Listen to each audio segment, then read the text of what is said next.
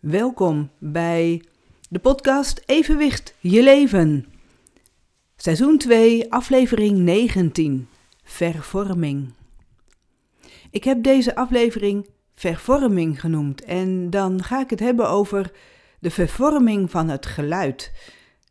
De vervorming van het geluid in mijn oren. Ik ben uh, pas geleden naar het VUMC geweest in uh, Amsterdam. En daar deed ik mee aan uh, een real hering, aan een uh, luisterinspanningstest onderzoek.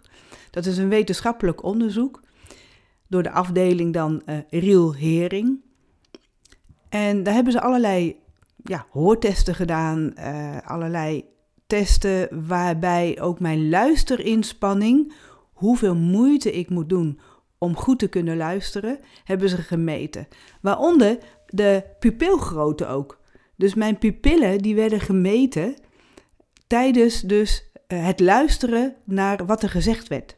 Dan was er een uh, mannenstem die een heel verhaal vertelde. En daartussenin zei een vrouw iets. En dan stopte het uh, geluidsfragment. Dan moest ik onthouden wat die vrouw had gezegd in dat verhaal, binnen dat verhaal van die man. En ik vond dat moeilijk.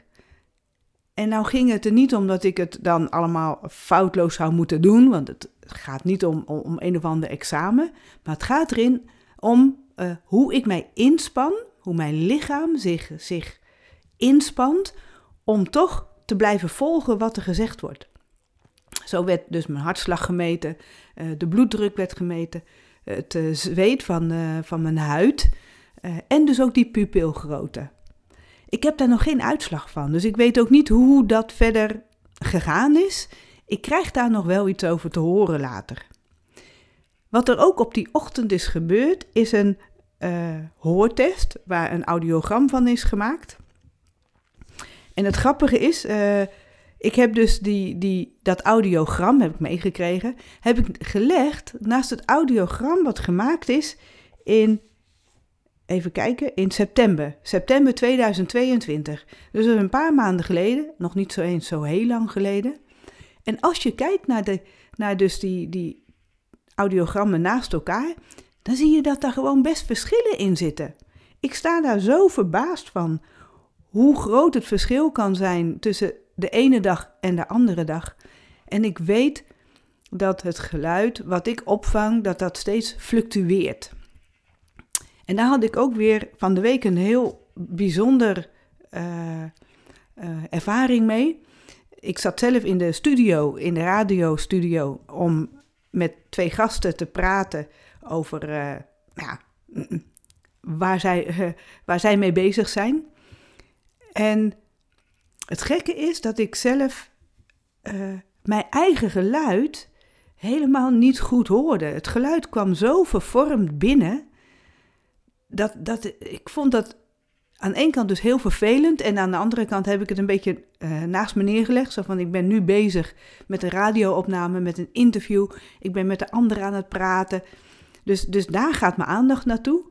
En ondertussen merkte ik toch dat mijn eigen geluid, eh, mijn eigen wat ik binnenkreeg aan geluid, dat dat heel raar klonk. Alsof ik in een soort blik zat, een beetje blikkerig geluid. En toen ik eenmaal thuis was, s'avonds, de opname was middags, toen hoorde ik ook zelf aan, mijn eigen stem ook, van het klinkt allemaal net even een beetje anders. En toen begon ik s'avonds ook wat te hoesten en misschien hoor je het nu ook wel aan mijn stem, ik ben wat verkouden aan het worden.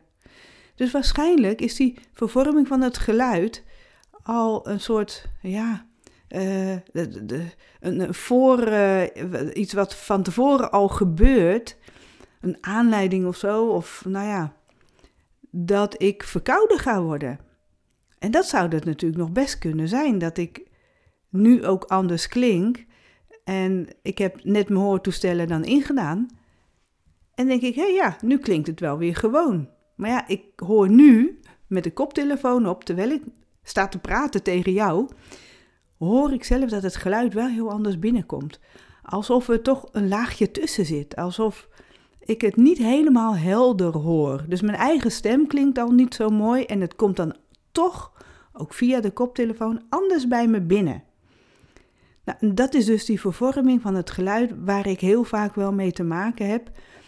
Dat is ook een gevolg van de ziekte van Meniere. Dat hoort daar ook wel bij, dat het, dat het gehoorverlies echt fluctueert. Het is geen dag hetzelfde. En dat er dus dagen zijn dat ik minder goed hoor en dagen dat ik beter hoor.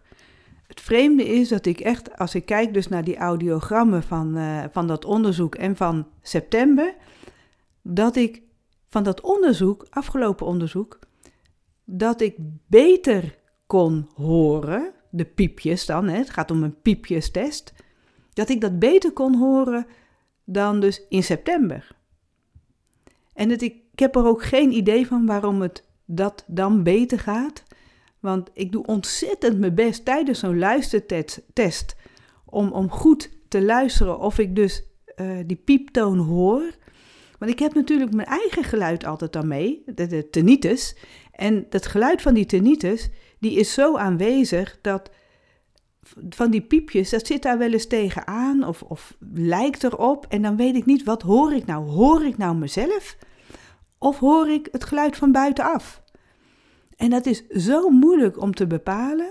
En ik merk al van dan uh, de audioloog die tegenover me zat, die, dan doen ze het geluid, het laatste geluid wat ik wel gehoord heb, doen ze dan nog een keer. Een soort check is het dan, die hoor ik dan. En het uh, vervolggeluidje, wat een heel stuk zachter is, dat hoor ik dan niet.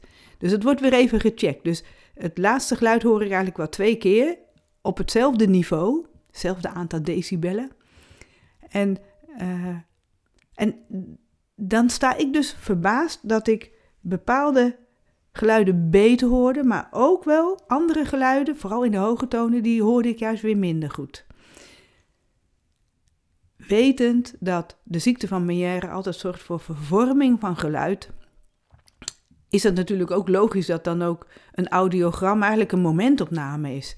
Dat dat elke dag weer anders is en zelfs op een dag, als je dat steeds zou meten, dat je dan steeds andere metingen krijgt. En het zou kunnen zijn dat het bij heel veel mensen zo is.